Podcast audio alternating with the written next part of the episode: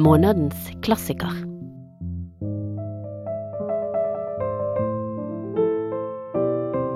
En podkast fra Bergen offentlige bibliotek.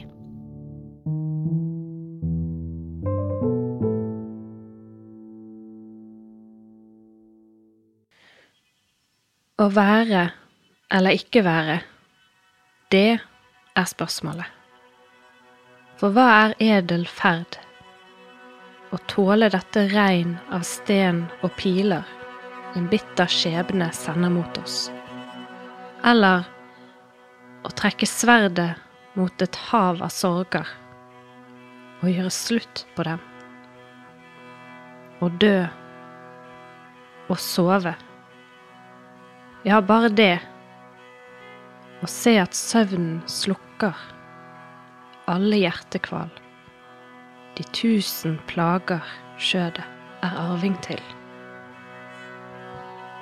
Hvor inderlig man higer mot denne slutt. Å dø og sove. Sove og kanskje drømme.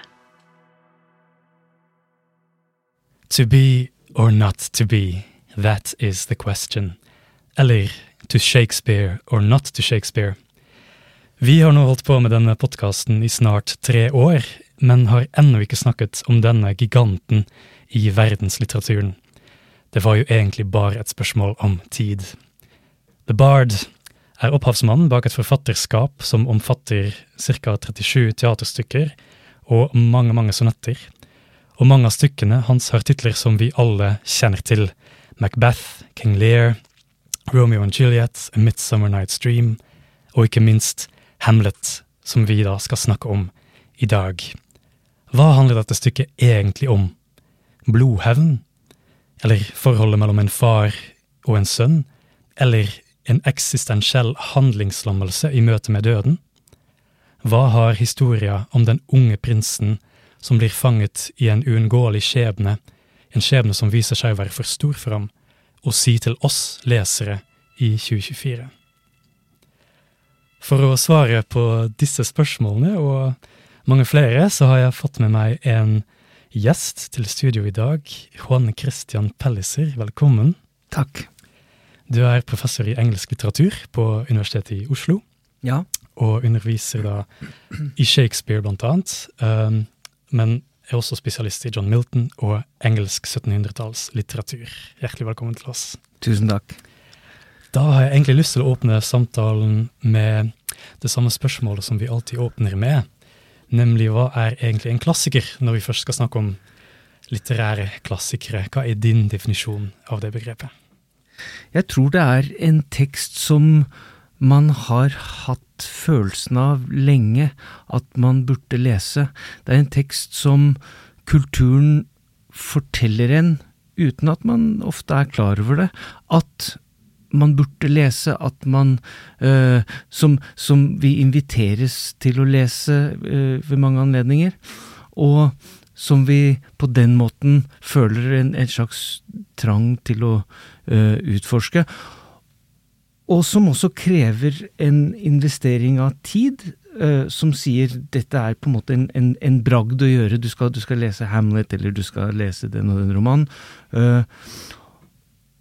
Sånn at Og det som ofte skjer, er at når man investerer den tiden, er at uh, man, man opplever at det leder andre steder hen, og det suger til seg andre typer um, energi fra altså, Det blir en slags lim også til andre uh, verk man har lest. Um, det er, men det er mange måter å definere en klassiker på. Absolutt, men at Shakespeare er del av den kategorien, det er det nesten ikke noe vits å spørre om, tenker jeg, eller det er så selvsagt.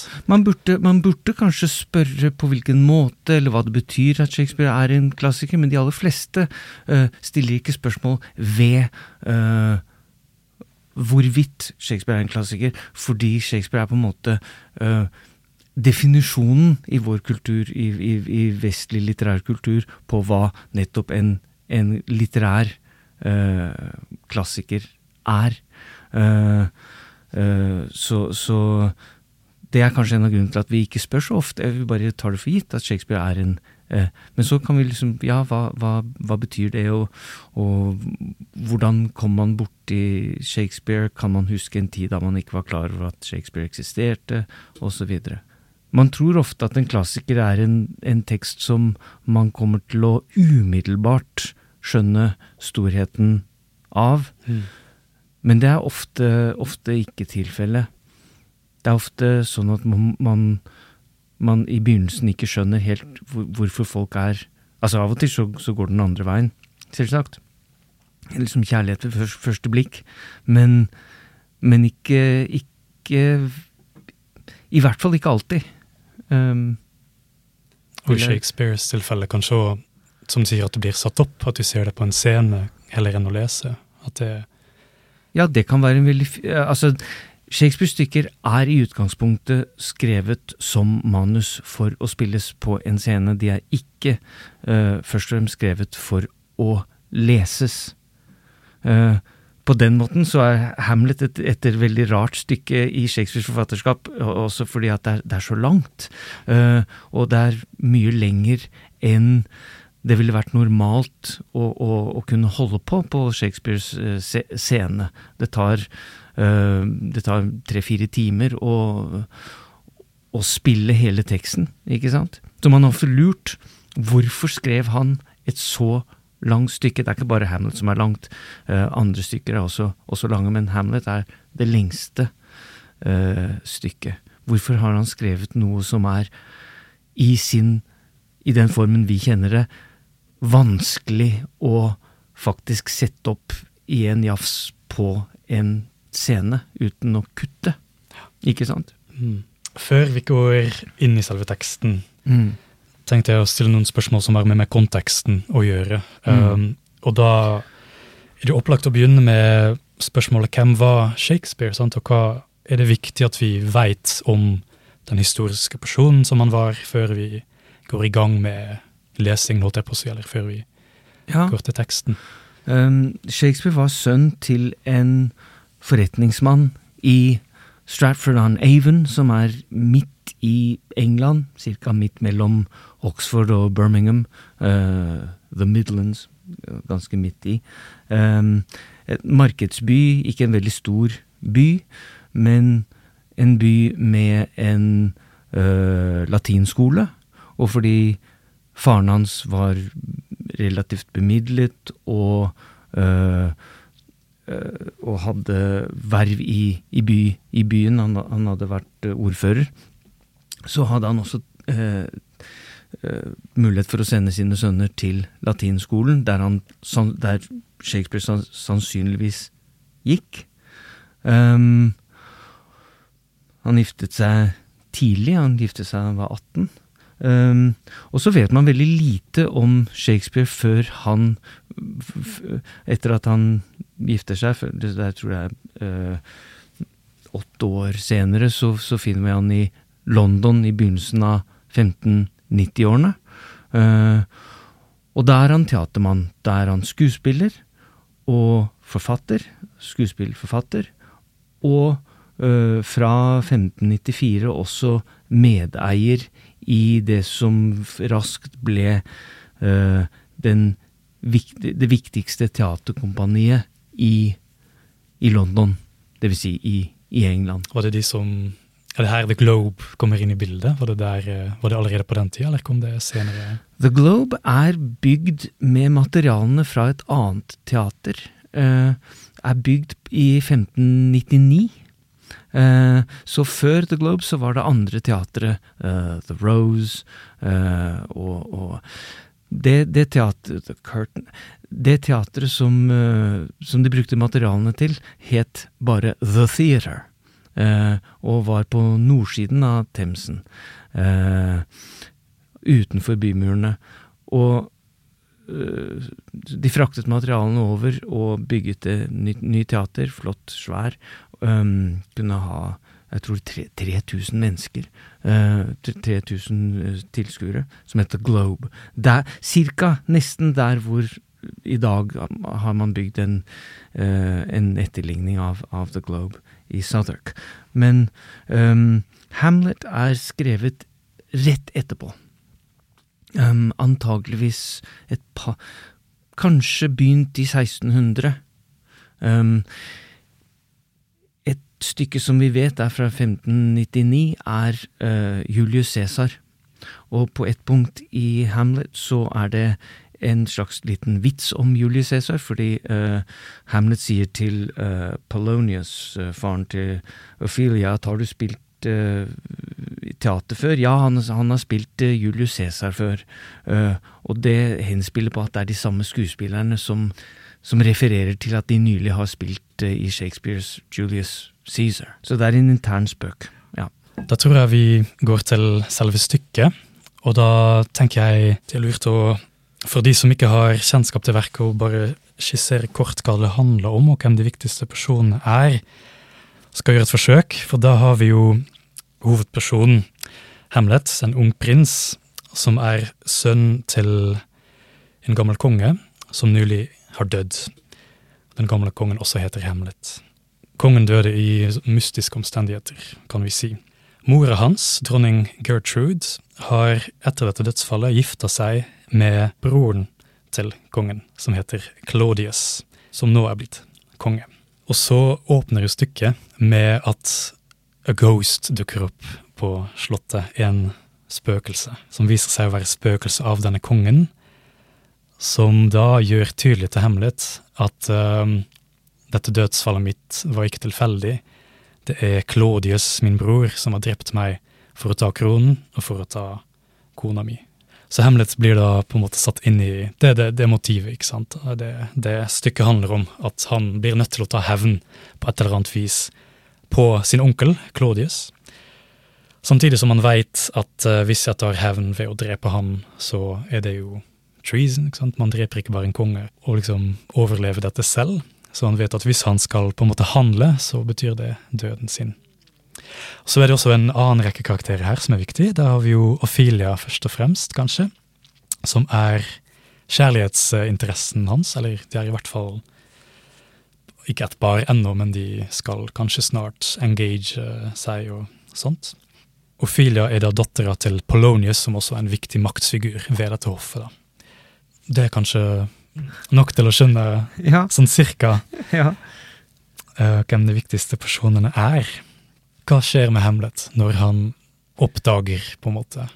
Det er en innfløkt uh, uh, handling, um, nettopp fordi alle har en følelse av at det er noe galt uh, i Danmark, hvor dette finner sted. Um, Something's rotten in the state. Something's rotten in the state of Denmark.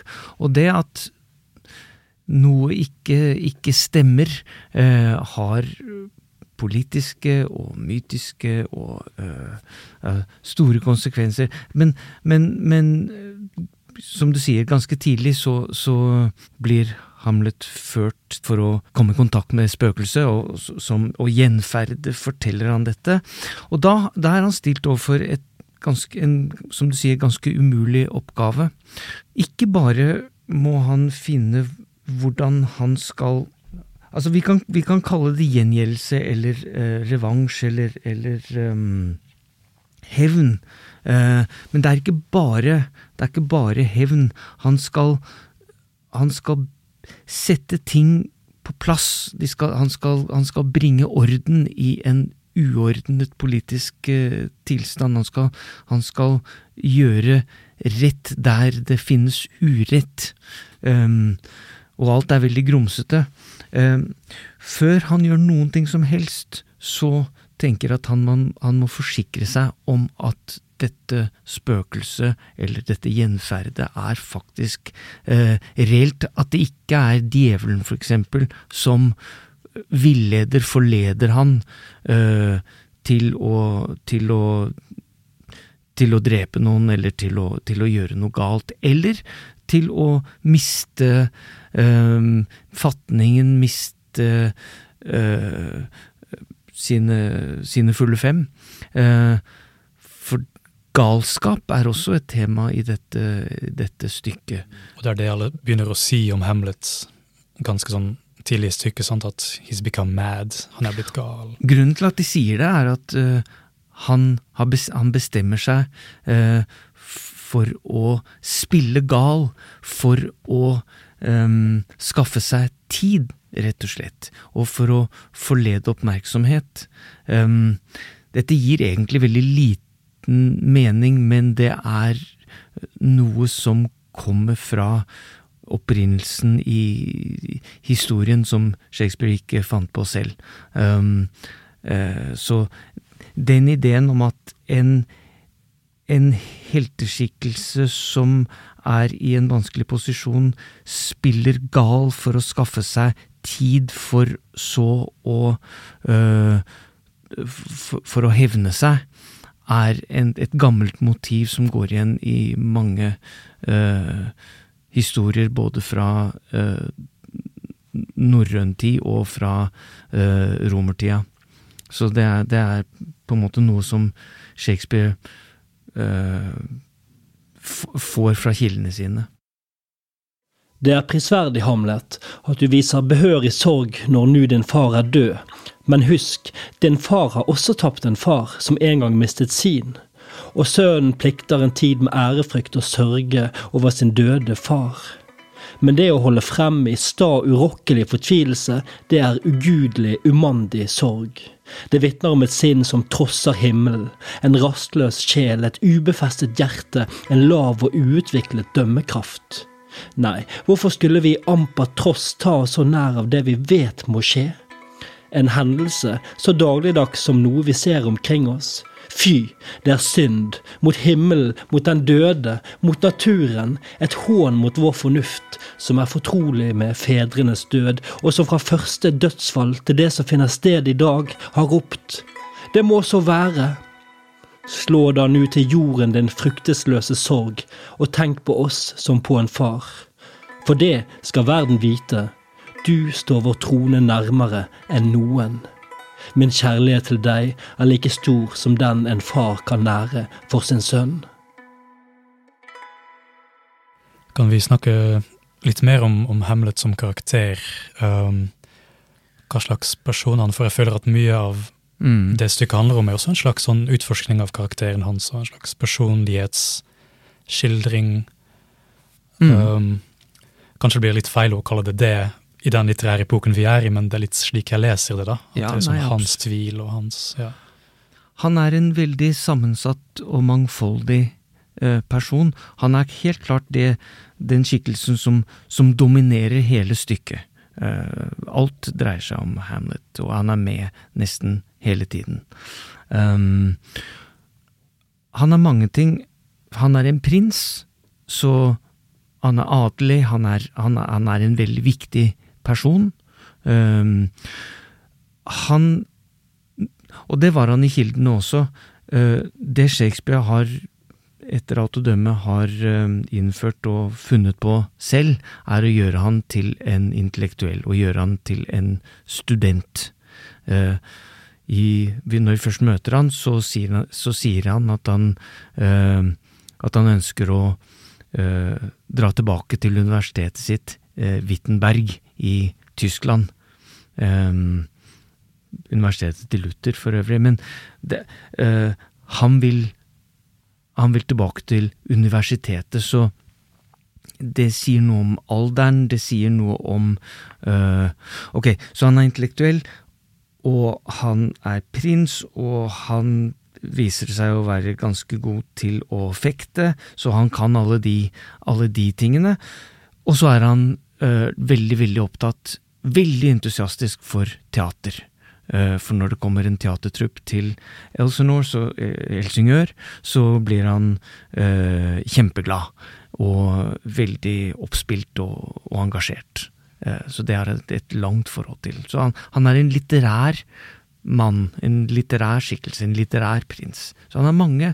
Um, og han er, han er en er, som du sa, han er forelsket i Ophelia, så han er også en, en kjærlig han, han, han, kan også spille i, så, som altså, forelsket ung mann, ikke sant? A lover. Han er, han er det også. Uh, så han har mange roller, egentlig, i dette stykket. for en skuespiller veldig sånn variert Mm. rolle å spille, kanskje. i De, Og det at, det at eh, man har et skuespill i skuespillet, og at folk snakker om å spille hele tiden, Mm. er tematisk eh, sentralt, nettopp fordi eh, mye av det han tenker på og snakker om underveis hele, i hele stykket, er hva er eh, forskjellen mellom det som virker som, det som eh, later til å være tilfellet, eh, og hva er, det, hva er realiteten? Um, hva er forskjellen mellom å spille at man gjør noe, og faktisk gjøre det? Ikke sant? Mm. Så illusjon og uh, virkelighet um, er, er, er liksom hovedtema gjennom stykket. Jeg husker også en scene med Ophelia litt, sånn, litt lenger ute i stykket, der han kommenterer dette med beauty versus Ja. sannhet. Sant? Og, Ja, ikke sant? Fordi hun, som, som en kvinne, så øh, øh, ikke sant? Og her, her kommer på en måte den konvensjonelle øh, antifeministiske eller, eller øh, kvinnekritikken. ikke sant? At, at kvinner gjør seg vakrere enn de egentlig er. De bruker kosmetikk.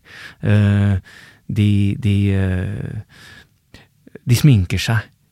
Og den sminkede versjonen eh, er den, den er bare en maske, eh, og bak så ligger det em, død og fordervelse.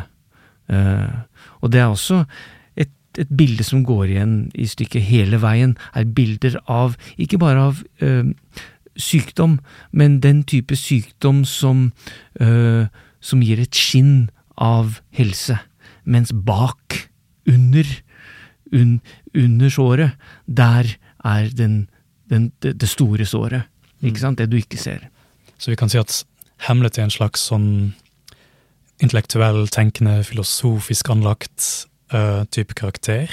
Um, hva slags um, karakter er Ophelia, da? Vi har jo vært litt inne på det. Men um, det går jo ja, dårlig med Ophelia om, mellom de to. Mm. Um, Ophelia har mye mindre å si, og mye mindre å spille på. Mm. Hun i, i, all hovedsak, I all hovedsak så er hun der for å Hun er en lydig pike som brukes av de mannlige eh, karakterene eh, til av, av faren sin, av broren, av Hamlet selv. Eh, eh, til, til forskjellige ting, men brukes på en måte instrumentelt. Hun, hun um, så, så, så hun er Hun har ikke noe av det indre mangfoldet som vi kan på en måte høre som, eh, fra, eh, som vi gjør med Hamlet. Bortsett fra at, spoiler, uh, hun Der hvor Hamlet spiller gal, mm. hun blir gal ordentlig.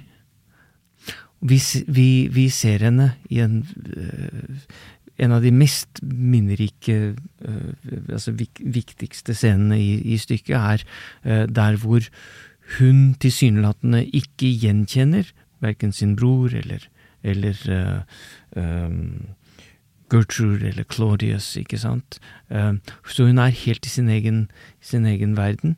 Men um, hun snakker, hun, hun, hun snakker til dem i sin galskap, øh, og det som kommer fram da, av sanger og bruddstykker og ting som på en måte ikke henger sammen, det sier langt mer om hvem hun vi kan gjette egentlig er, enn det hun har sagt, for hun har vært forsiktig og øhm, forsagt, på en måte eh, fram, til, fram til da. Det som veller frem eh, når hun ikke lenger er seg bevisst. Mm.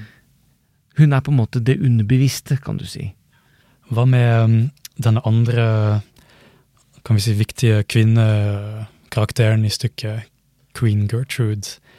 Hva slags um, For det slår jo meg at hun er sånn veldig senteret egentlig i hele dette spillet. sant? Det er jo hun som var kona til den avdøde, og det er hun som har gifta seg med den nye kongen, og som eh, Samtidig som jeg som leser ikke helt får innblikk i hvor mye vet hun, hvor mye skjønner hun, hvor mye er hun selv medskyldig, eller er hun et offer, eller Hun, Mm. hun føles for meg veldig sånn merkelig og sånn uhåndgripelig karakter, på en måte. Hva har du for tanker om, om henne? Jeg tror grunnen til at du føler det, er at hun ikke åpenbarer seg i eh, en enetale hvor hun eh, gir stemme til sin Altså, hun uttrykker aldri Hun er aldri alene og snakker eh, til seg selv.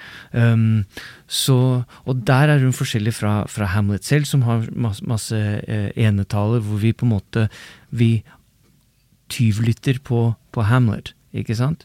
Eh, og også forskjellig fra Claudius, altså uh, onkelen til, til Hamlet, som er uh, på mange måter, syns jeg, mest interessante skikkelsen etter, etter Hamlet.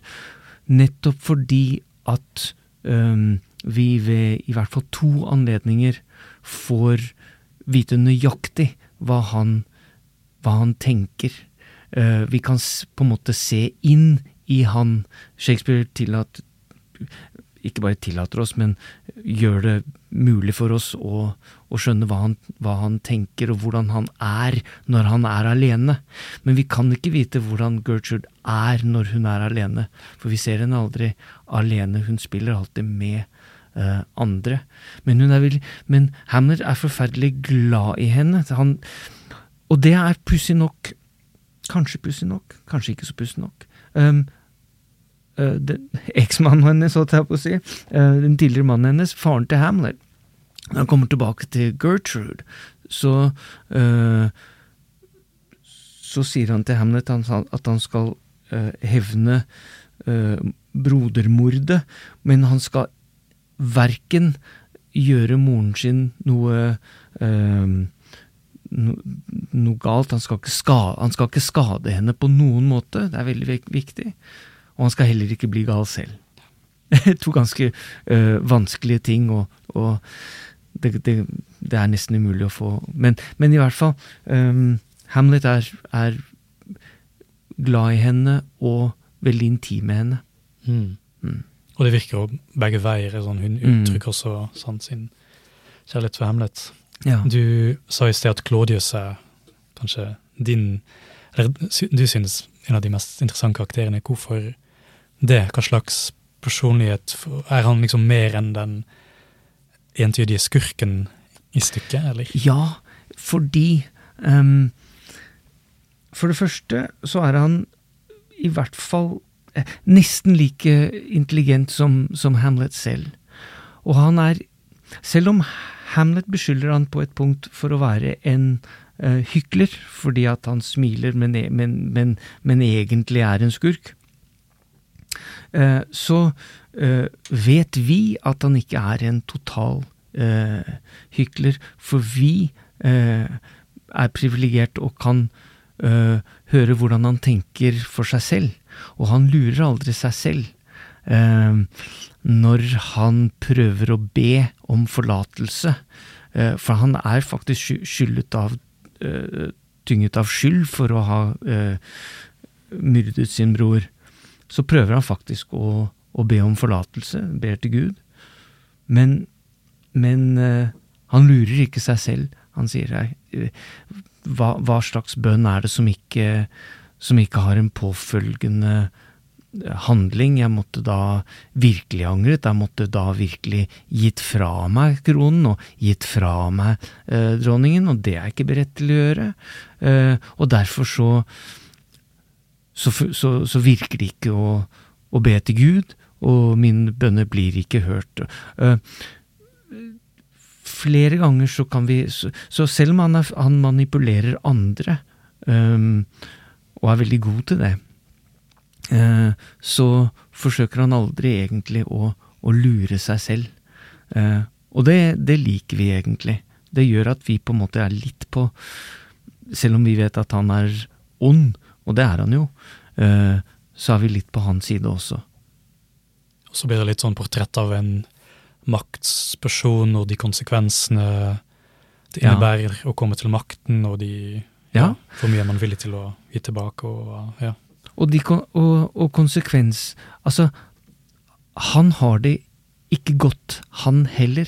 Eh, fordi ikke, bare er det mange politiske problemer med å være konge, eh, som han sliter med, men han sliter med samvittigheten, rett og slett. Og det er ordentlig tungt. Og det sier han. Mot himmelen stinker denne synd som bærer det eldste og opprinnelige bann. Et brodermord. Jeg makter ikke be, enn skjønt min trang er like sterk som viljen. Min skyld har større krefter enn mitt forsett. Jeg ligner en som har et dobbelt oppdrag, og sår i tvil om hva han først skal gjøre, så ingenting blir gjort men om min hånd var en gang til så tykk av broderblod, har ikke himmelen rein nok til å vaske den hvit som sne?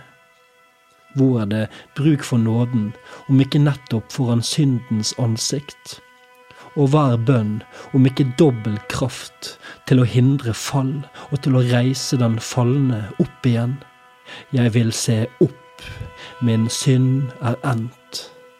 Men hvordan skal jeg be? Forlat meg dette stygge mord. Å nei, det duger ikke. Jeg besitter ennå alt det som nettopp drev meg til å myrde. Min stolte makt, min krone og min dronning.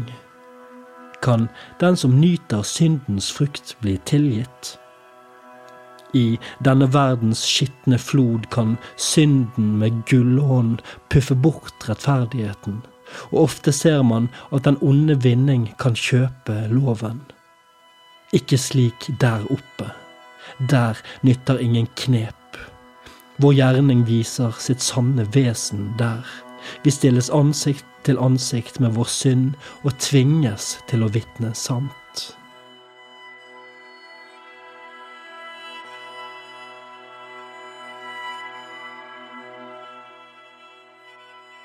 Nå er vi jo allerede litt over i det tematiske, da. Ja. Men uh, så tenker jeg vi bare kan fortsette med det og ta opp noen av de tematiske trådene som uh, dette stykket tar opp og utvikler igjennom. Og hva, hva ville du da sagt er på en måte de viktigste temaene som ligger i dette stykket her?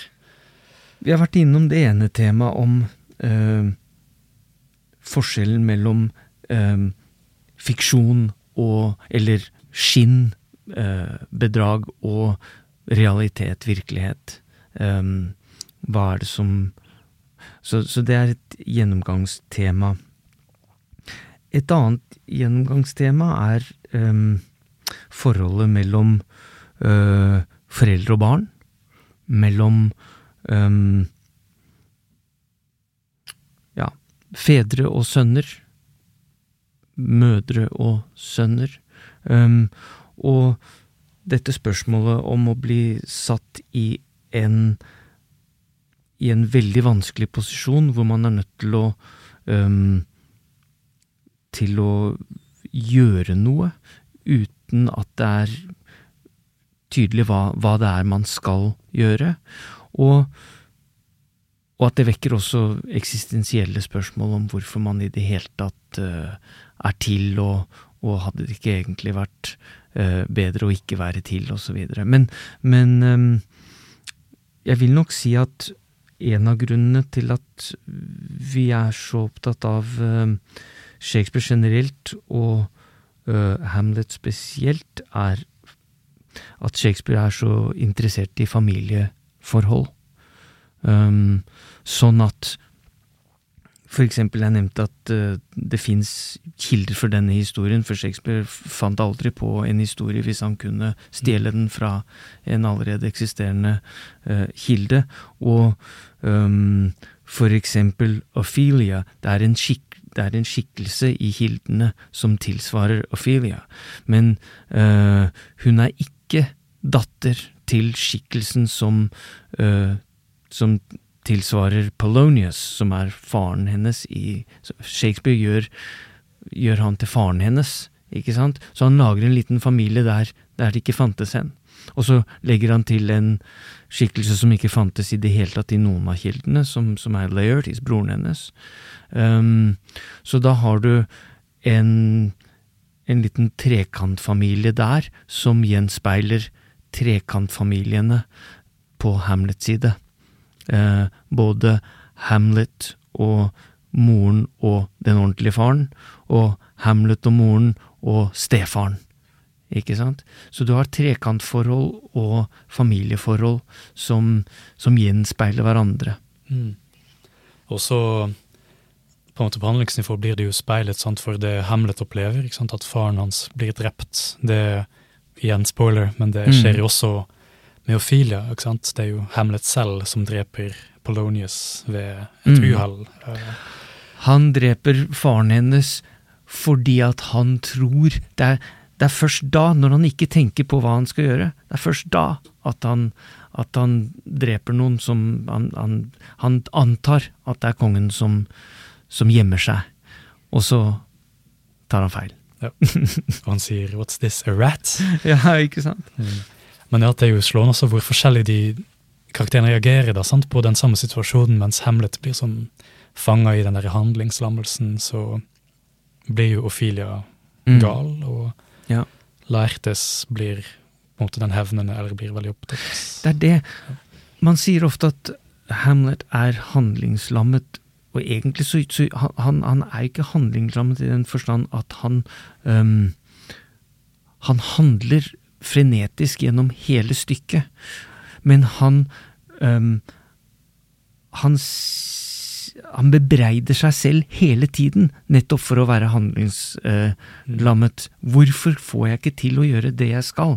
Men det er grunnen til det, og han setter fingeren på det også. Det er det, Han er smartere enn de fleste av oss, fordi at han øh, diagnostiserer seg selv øh, før noen andre rekker å gjøre det. Han sier rett og slett det er fordi at jeg Han tenker uh, altfor mye. Og jo mer du tenker på en ting, jo fjernere du kommer fra å faktisk gjøre noe med det. Laertes tenker overhodet ikke. Det er, og det er kun når Hamlet ikke tenker, eller ikke tenker, eller ikke har tid til å tenke, at han faktisk eh, utretter eh, temmelig katastrofale ting.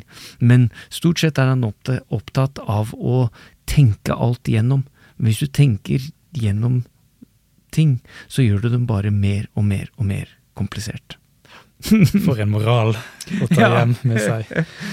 Um, vi kan jo kanskje også snakke litt nå om den to be or not to be-scenen. sant? Vi må det. Ja. Den også har litt å gjøre med dette her, tenker jeg. Eller hva, hva tenker du? Hva, hva handler denne scenen om, og hvorfor er den blitt så ikonisk at alle kan I hvert fall kan åpningsreplikken Ikke sant? Det er vel de færreste som har et forhold til scenen, men alle har et forhold til situasjonen og, og den talen, den ene talen, for han er alene på scenen akkurat uh, da. Uh, egentlig, den scenen, uh, er Han går for seg selv mens kongen og Polonius spionerer på han, eh, så han, så han vet tilsynelatende ikke at eh, han blir spionert på. Han går for seg sjøl, og, og så venter vi på at Ophelia, som da skal være en slags eh, spion, kommer opp og prater med han, så skal de se om han er gal eller ikke. Men, men, så det er på en måte et stykke det er et sted i stykket hvor ingenting skjer. Og denne, denne talen er veldig eh, eiendommelig fordi ehm, ingen er egentlig helt enig, verken med seg selv eller med, med andre, uh, hva, hva den betyr, om hva den betyr. Ehm, tenker øh, Hamlet virkelig på hvorvidt han skal eller ikke begå selvmord? Ehm, det tror ikke jeg, men det er mange som faktisk eh, tror det. Det han sier, det, han reduserer problemene sine til det absolutt minste felles multiplum, ikke sant? Det er, så, er Ytterste konsekvens i ytterste Det er liksom ja. enten være eller ikke være. Men uh, ut ifra det så utleder han uh, en veldig rik meditasjon. Um, og så kommer, og så kommer uh, Ophelia. Men um, alle tenker, eller man kan lett tro at når han er på scenen, så sier han to be or not to be, og så er han kledd i svart, og så ser han på en hoved... Han holder en hodeskalle i, i hånden og, og nærmest eh, snakker til hodeskallen. Mm. Eh, og det, det, Den hodeskallen kommer egentlig fra en helt annen akt. Eh, slutten av, av altså femte akten, eh, hvor han så, så, der er man blandet sammen to, to, scener, men det gir mening likevel fordi um, døden og eksistensen og de store de store spørsmålene er, er det som diskuteres uh, akkurat, akkurat da. Uh, men han har tatt et lite hint fra sin kilde. Eh, hvorfor, hvorfor lever vi når, når, vi er fanget av vår egen eh, feighet, eh, ikke sant? Eh, når vi aldri klarer å utrette det vi prøver, ikke sant, og vi, vi, vi, vi fanges av eh, vi, kommer hvor, hvor, Hvorfor skal vi leve i det hele tatt? Og så utbroderer han det til en eh, fantastisk eh, enetale. Fins det noen løsning på den tematikken, eller på det, den problemstillinga um, som Shakespeare her er så opptatt av? Altså, gir stykket noe sånn uh, Finner Hamlet en utvei ut av det? Nei. Uh, de, de typer spørsmål som det er, et, det er, et, stykke som er generelt mer fullt av Dette er en floskel å si, men det er sant. Det stiller veldig mange spørsmål, svarer veldig få. Mm. Uh, og hovedmoduset til stykket er paradokset, det vil si noe som der hvor, der hvor to sannheter står mot hverandre, uh, og det ikke fins en åpenbar resolusjon. Um, det Hamlet kommer til på slutten, er en slags resignasjon og en slags åpenhet for uh, at det som skal skje, vil, vil skje. Uh, så en slags uh, Fatalisme. Fatalisme, kan du si. mot slutten så virker han som, som, som han, er, han, han er tenkt å slutte å kjempe for å forstå alt, og nå skal han bare ta ting som, som de kommer. Og han blir innhentet av, av det, så klart. Eh, men ved å, ved å ved å gi etter, så kan man også si, paradoksalt nok, at eh, nettopp det han ikke fikk til i så lang tid, faktisk eh, skjer av seg selv. Det vil si, mordet hevnes til slutt. Ganske stor kostnad i, i hvor mange som, som, faktisk går med, men, mm. men uh, Mange som ryker i ad, samme slenge. Ad, ad omveier så, uh, så, blir mordet hevnet. Det er fordi at det er to uh, hevn To sønner som skal hevne seg. Mm. at det er den, det er den andre sønnen, Laertes, eh, som det, det, er liksom den andre hevnhistorien som eh, som kommer i gang ca. midt i stykket, som gjør at begge hevnhistoriene kommer i havn. Så det er veldig finurlig um, la, et veldig finurlig laget stykke. Veldig sånn arkitektonisk uh, ja, vellaget. Jeg har i den senere tid, uten å vite hvorfor, mistet all min munterhet og oppgitt alle mine vanlige idretter. Sant å si er mitt sinn blitt så tungt at denne prektige bygning, jorden, står for meg som en øde klippe. Og luften, denne praktfulle baldakin, dette stolte firmament som hvelver seg over oss, dette er majestetiske tak, sisselert med gylne flammer. Og for meg er det bare som eh, pestbefengte dunster. For et mesterverk mennesket er. Så opphøyet i sin fornuft, så ubegrenset i sine evner, så uttrykksfullt og beundringsverdig i skikkelse og bevegelse. Så lik en engel i handling så lik en gud i tankekraft, verdens pryd, alle skapningers forbilde, og allikevel, hva er denne kvintessens av støv for meg? Jeg finner ikke glede ved noen mann, og heller ikke ved noen kvinne. Vi har vært litt inne på det før, og du har nevnt det et par ganger imellom, gjennom samtalen. Um, det at stoffet til Hamlet, eller selve kjernehistoria, har ikke Shakespeare selv funnet på, sant? men har han hentet fra kilder. Kan du fortelle litt mer om, om hvor den historia opprinnelig er fra? Historien om en øh, prins hvis øh, far er drept av uh, farens bror, altså altså sin onkel, um, er en norrøn historie som man faktisk har fra uh, Den, den fins i Snorre, i den yngre Edda.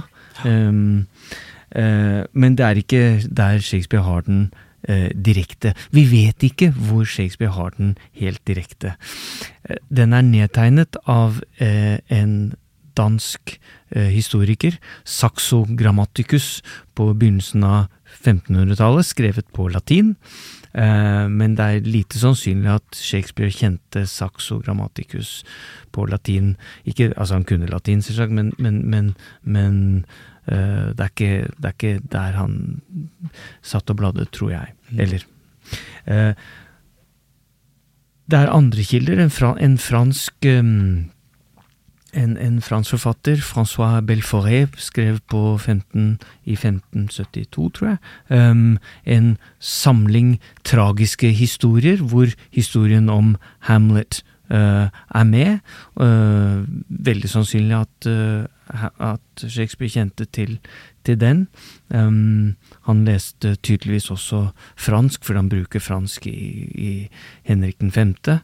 Um, men faktum er at vi vi vet at det fantes et, et Hamlet-stykke før Hamlet, og det er blitt borte.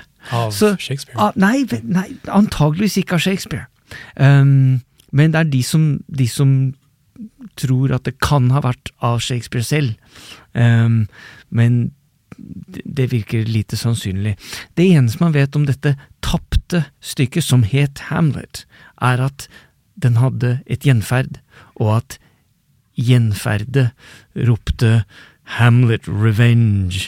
Um, ikke sant? Så, så hevnmotivet har vært sentralt hele, hele veien.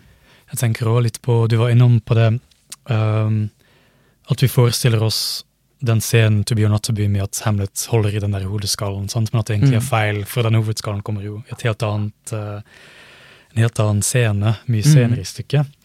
Um, jeg har lyst til å også snakke litt om akkurat den scenen, kanskje, for den syns jeg var så gøy og morsom og tullete på mange ja, måter. Ja. For det er jo bare litt sånn kontekst. Det er jo Hamlet som uh, har vært i utlandet i en periode, um, og som kommer tilbake, og som ikke veit at Ophelia er død og skal begraves den dagen han ankommer.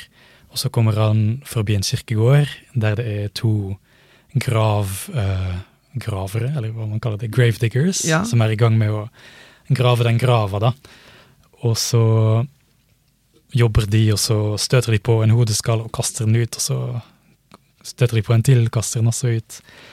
Mens de forteller vitser og synger sanger, og, sant, som gravediggers gjør. Mm. Ja. Og så uh, kommer Hamlet forbi og blir liksom sjokkert over hvor liksom um, ubrydd og vulgært, rett og slett, disse gravediggers oppfører seg. Og sant, at i møte med døden, hvordan kan de være så sånn synge sanger? Ja. Um, men så svarer jo de bare med å, å gjøre narr av han og svare med vitser tilbake. Skikkelig sånn galgenhumor. og mm. um, Men jeg bare syns det var så rart at den, den scenen som han har sett for seg, Hamlet som ho holder i hodeskallen, som jo har blitt avbildet i malerier og i skulpturer, at den egentlig er ganske sånn vittig og tullete. Og at det er liksom der de gjør narr av Hamlet, på en ja. måte. Ja, absolutt. Eh, der kommer eh, den unge intellektuelle prinsen og møter på to, uh, to menn som har uh, vanlige, uh, vanlige yrker, og som faktisk jobber for, for føden. Og de graver graven til han som han kanskje hadde tenkt han kanskje kunne gifte seg med, det vet han ikke. Og det, den hodeskallen som de slenger rundt med, og, og, og, og er faktisk hodeskallen til en som han kjente og var veldig glad i, uh, fra barndommen. Yorick. Uh, Yorick. Alas, poor Yorick. Så, og, det, og, det, er uh, kongens um, kongens klovn eller kongens uh, jester. Um, hva heter det? Narr. Narr, nettopp. Uh, og narren er nettopp den som snakker sannhet til makta, og som uh, Og som trenger forbi og gjennom illusjonen og skinnet. Um, som, som, som Narren er den som, som uh, sier no, noe om hvordan ting egentlig er bak um, pretensjonene og illusjonene, ikke sant? Um, og nå stirrer han på hodeskallen um, der, hvor det, der hvor det en gang var lepper, og der hvor det var liksom uh, kjøtt og trekk. Uh, så, så, så, er på en måte den nakne sannheten der er, er, er skjelettet. Ikke sant? Uh, så dette, det blir nok en sånn um, Vi er alle på vei hit uh, Ja, øyeblikk i, Mm. i stykket. Men, men, tilbake til ditt poeng er mange, ikke sant? at uh, det er så mange morsomme og morsomme scener i stykket som også kan føles som en, en, slags digresjon fra, fra handlingen. Um,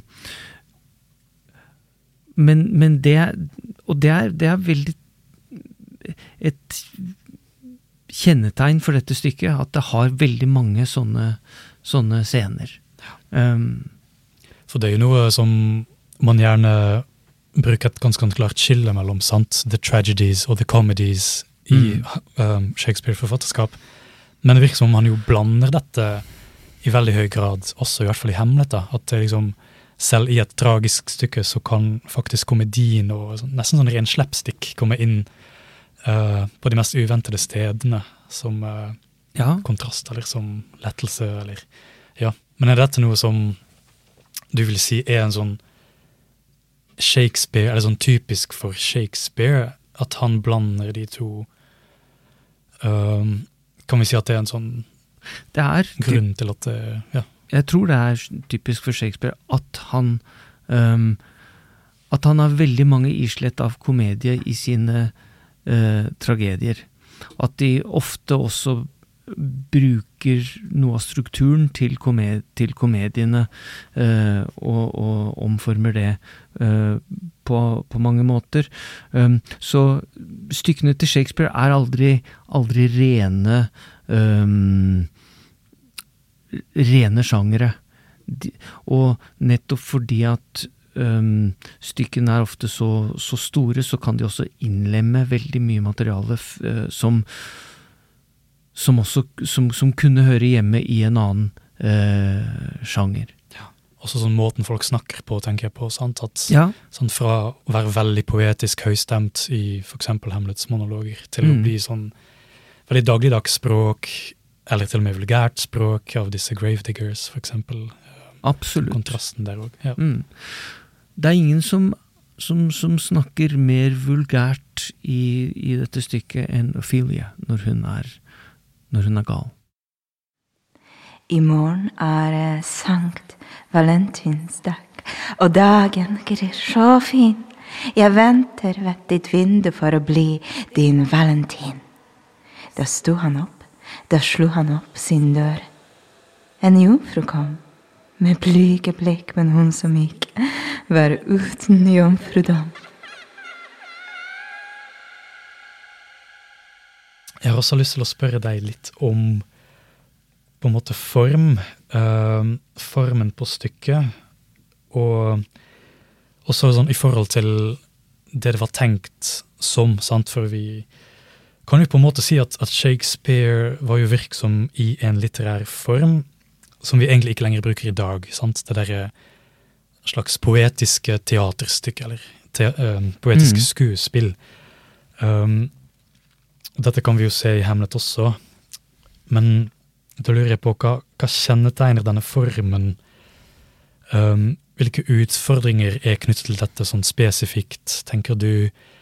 Um, hvordan gjenspeiler på en måte stykket Hamlet i skrevet form um, det faktum at det tross alt skulle egentlig bli satt opp for, på en scene med levende folk? Um, Mm. har du noen tanker om det? På Shakespeares tid, og egentlig ganske lenge etterpå, så sa man gjerne at uh, Man sa ikke at man skulle gå og se et teaterstykke, man sa at man skulle høre et teaterstykke. You can, ikke not to see a play, men to hear a play. Mm. Ikke sant? Um, Shakespeares scene var veldig, veldig enkel. Uh, veldig lite effekter, veldig lite uh, Eller beskjeden bruk av um, kostymer osv. Alt som, alt som formidles, må formidles verbalt. Alt må formidles gjennom språk. Um, så man kan Man kan veldig, veldig lett forstå Eller hvis, hvis man er på, på The Globe og lukker øynene, så går man ikke glipp av veldig mye, Mm. egentlig. Um, det er veldig forskjellig fra vår mm, mye mer visuelle kultur. Uh, så eh, det, det vi må Det vi trenes opp til, det er ikke så mye vi må trene oss opp til å, uh, til å forholde oss til Shakespeare, men ved å eh, lytte til Shakespeare, enten på teaterscenen eller eksempel eh, i, i opptak osv. Eller bare når vi leser at vi, vi, vi, vi hører en stemme når vi leser. Eller leser høyt, det er veldig fint det òg. Men øh, så lærer vi oss til å lytte til språket. For det er, det er egentlig bare språket som, for, som, som Eller hovedsakelig språket som, som mm, forteller oss hva, hva vi trenger å vite. I så måte så er kanskje det nærmeste i norsk, i norsk litteratur kanskje Per Gynt. Um, eh, at det er et stykke som, som fungerer veldig bra på radio. Det har, det har, det har det, NRK har gjort ganske mange innspillinger for, for radio. Um, det er ikke først og fremst ment å settes opp på, på teater, selv om det, det, det gjøres og det kan gjøres osv. Men det er, um, det er noe man skal lytte til. Vet vi noe om, om hvem som var publikummet i det teatret på den tida, og hvem stykket var på en måte ment for og Mm. ble skrevet for? De ble skrevet for veldig, altså et veldig bredt eh, anlagt eh, teater. Det var, det var ganske billig å, å gå i teatret. Um, så hvis man sto, hvilket de fleste gjorde, så var det veldig billig. Uh, men samtidig så, så, så gikk også mer bemidlede mennesker, folk med mer av en uh, uh, utdanningsbakgrunn, de dro også i, i teatret. I tillegg så, øhm, så, spilte, så spiltes det teater på universitetene, og eh, ved, ved hoffet. Så de samme stykkene som spilles for 3000 mennesker i The Globe, folk som ikke nødvendigvis kan lese og skrive, spilles formodentlig i, i, i mer eller mindre samme form for dronning Elizabeth og, se, og senere kong James. Um, så det er høyt og lavt, altså. Det er, det er veldig populært, og det er høykultur i en kultur som ikke, ikke i så stor grad uh, har en så stor har så stor, uh, så stor skille mellom de, mellom de to.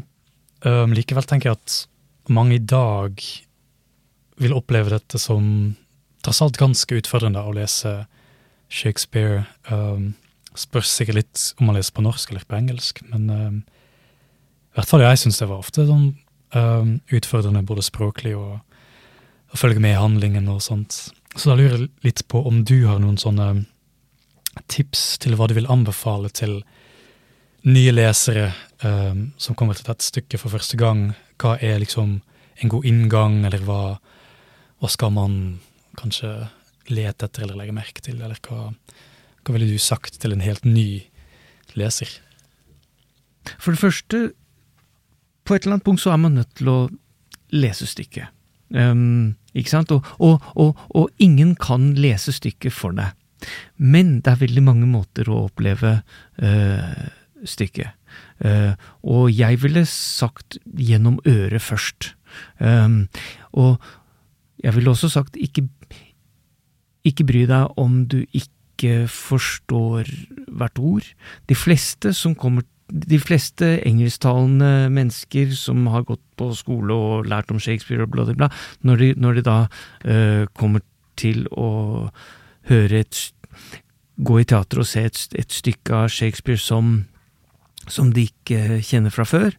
Uh, og det, ikke sant? det er jo ingen som er født med å allerede kjenne til Shakespeare. Mm. Uh, og de vil bruke ganske mange kalorier første 15 minuttene med å bare få med seg hvem som er hvem, og hva som er hva, og osv. Det er litt dumt, fordi at uh, det er nettopp i de første 15 minuttene at veldig mye informasjon som er dødsvesentlig, uh, blir, blir, Ikke sant? Men, men, man må bare tenke Heng i, heng med. Um, det, det, det, går, det, går, seg til uh, veldig greit etter hvert og så kan man alltid se en ting og høre en ting igjen. Det er ikke, det er ikke første gang at slaget står, tror jeg. Men å, men å høre på uh, språket eller en, en framførelse vil jeg synes var en veldig god måte å komme inn i det på. Og det er også veldig gode filmer av spesielt Hamlet. Um, jeg er veldig glad i filmen som Kenneth Branagh uh, mm. lagde, som har den fordelen Den er fryktelig lang. Uh, den er fordelen av at den spiller en helt komplett tekst, så der får du med Hamlet med alle delene. Alt, liksom, ja. Så det er veldig fint.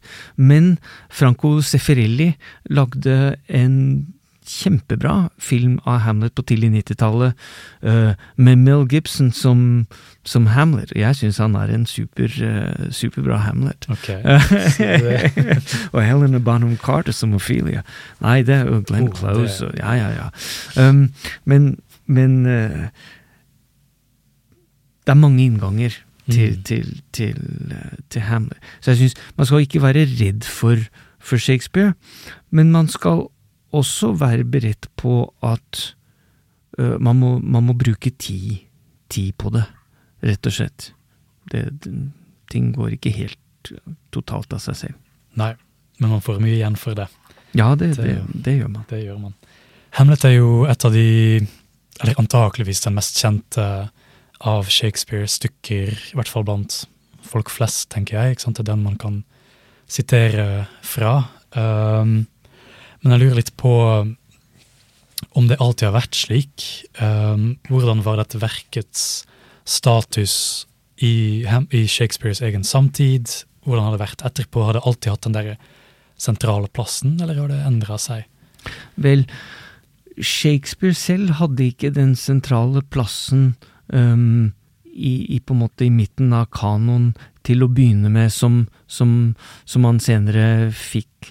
Så det er ikke før uh, gått ut i århundret da han døde, altså gått ut i um, 1600-tallet, at uh, og, og, begynnelsen av 1700-tallet, at man begynte å ha den fascinasjonen for, for Shakespeare som man så på som en, en kjempe blant sine samtidige. Men når, når, så skjedde, så, så, så hadde Hamlet en, en, en, veldig viktig sentral plass. Eh, absolutt. Og det fortsatte eh, utover 1800-tallet. for 150 år siden, da var det helt klart at Hamlet var Shakespeares største stykke, eller viktigste stykke, osv. Eh, mesterverket, ville kanskje mange sagt. Mm.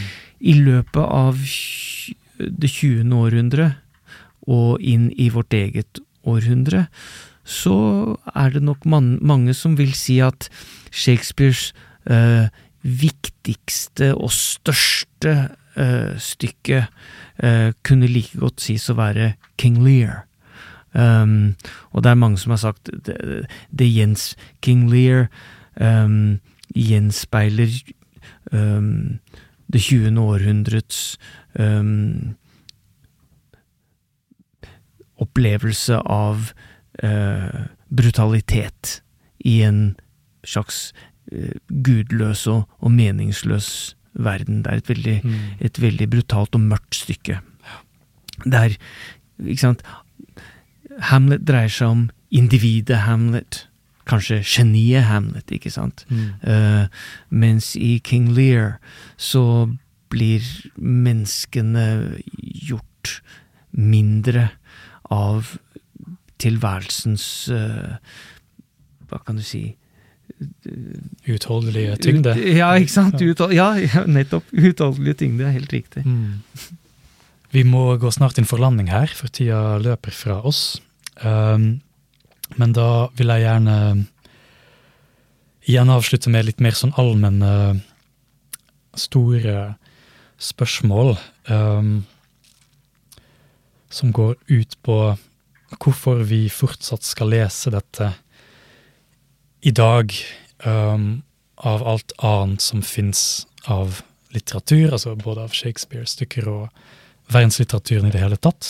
Hvorfor skal vi gi oppmerksomheten vår, tida vår, um, på akkurat dette stykket, mm. tenker du? Veldig godt spørsmål. Uh, jeg ville sagt nettopp fordi at det er så mye annen litteratur. Fordi å lese Hamlet er en inngang til annen litteratur også. Uh, ikke det, ikke direkte, ikke sånn at uh, og det er i hvert fall ikke sånn at du må ha lest noe annet for å forstå Hamlet, eller at mm. når du har lest Hamlet, så er det en automatikk i at du da leser Dantes Divina Comedia eller Goethes Faust eller noe sånt. No, det er ikke sånn. Men uh, stykkene til Shakespeare er um, en inngang og en slags jeg vet ikke, Kanskje ikke det bildet å si at det er en, noe slags lim er et veldig godt bilde, men øh, det øh, det, er en, det er en portal til øh, mange andre veier, så det vil, lede, det vil bare lede deg mot andre verk som du også øh, vil ha glede av å lese. Har du eksempler? Du nevner Divina Comedia og Faust. Ja. Fordi de stykker er liksom påvirket av ikke, Hamlet, du? Ikke så mye fordi at det er noen, noen direkte um, forbindelse, for det, det, det, tror jeg ikke det, det er. Men i, i, et, i, et større, i, en større litterær kultur uh, så så er det sånn at alt henger sammen med alt annet. Men det er noen ting som er enda mer sentrale. Det er grunnen til å lese mm, kanoniske verk, verk, som for eksempel Shakespeare, um, er ikke fordi at du da går inn i en, en boble hvor, hvor, det bare fins Shakespeare. Um, det er motsatt. Det kommer til å føre deg andre steder også, men du kommer aldri til å egentlig komme deg helt ut av Shakespeare heller, fordi at det kommer også til å Du kommer til å lese igjen og igjen og igjen og alt det der. Hvis det, hvis det funker Altså, hvis du liker det. Og det er, det er lov å ikke like Shakespeare også. Er det det? Ja. Men hvis man da faktisk har likt uh, første møte med Shakespeare og med Hamlet, da, hva mm. ville du da sagt for de som er gira på å lese mer Shakespeare? Um, hva er liksom neste steg du ville anbefalt dem? Hva er neste stykke de bør lese? Kanskje Romeo og Julie, uh, for eksempel, fordi det er et stykke som man, før man har lest det, har på en måte lest. Man har møtt det så mange steder i populærkulturen, blant annet. Og så vil man se oi, wow, er, er, det, er det, sånn den er i, i sin opprinnelige uh, form? Det er ganske overraskende. Ganske annerledes enn man kunne forestilt seg, tror jeg. Um, så kanskje det, eller hvis man liker uh, mørkere ting, så kan man gå og lese Macbeth, for eksempel. Blodbør. Mm. Uh, og uh, storslagne verk, King Lear, eller Stormen, The Tempest. Det som er fint med Shakespeare, er at stykkene er så forferdelig for, uh, forskjellige fra hverandre. Og jeg har heller ikke nevnt at det er masse historieskuespill til Shakespeare som er blant hans beste skuespill, både middelalderhistorie, altså fra britisk middelalder, og som Macbeth for så vidt er, og øh, om romersk øh, antik... Altså romertiden. Uh, så det er veldig mye Disse 37-38 uh, skuespillene rommer veldig mye, for, mye forskjellig materiale. Mm, ja, så man blir ikke ferdig med det samme når man først Nei. er i gang. Også, no, noen mennesker liker tragedier best, men det er jo fantastiske komedier og problematiske stykker som The Merchant of Venice, som av de, de jeg aldri ble ferdig med. Mm. Så mye Mye å lese. Mye å lese. Jeg tenker vi avrunder podkasten der. Det har vært en fornøyelse å snakke med deg om Shakespeare. Jeg føler vi kunne holdt på i minst Ja, det samme. Vi, har akkurat starta. Ja, egentlig. Ja. Kjempehyggelig. Uh, tusen takk til deg, Juan Christian Pelliser, for at du var med i podkasten. Takk for at jeg, at jeg, fikk være med. Yep. Og til uh, lytterne våre så må jeg bare si at uh, følg med på Månens klassiker. Vi øh, skal være på biblioteket til et arrangement om Hamlet øh, om kort tid. Og så skal vi også ha lesesirkel med Hamlet i slutten av måneden. Så bli gjerne med på det. Og så kommer vi tilbake i mars, selvfølgelig, med en ny bok. Og da skal vi snakke om The Left Hand of Darkness, Mørkets venstre hånd, av Ursula Le Guin. Takk for oss.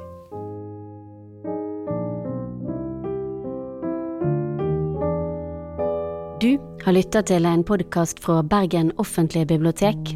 Du finner flere podkaster fra oss på våre nettsider bergenbibliotek.no, eller der du lytter til podkast.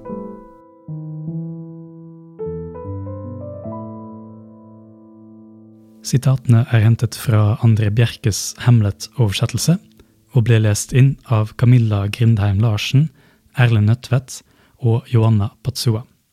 Og takk også til Bjarte Hundvin og Lars Bjørknes for teknisk assistanse.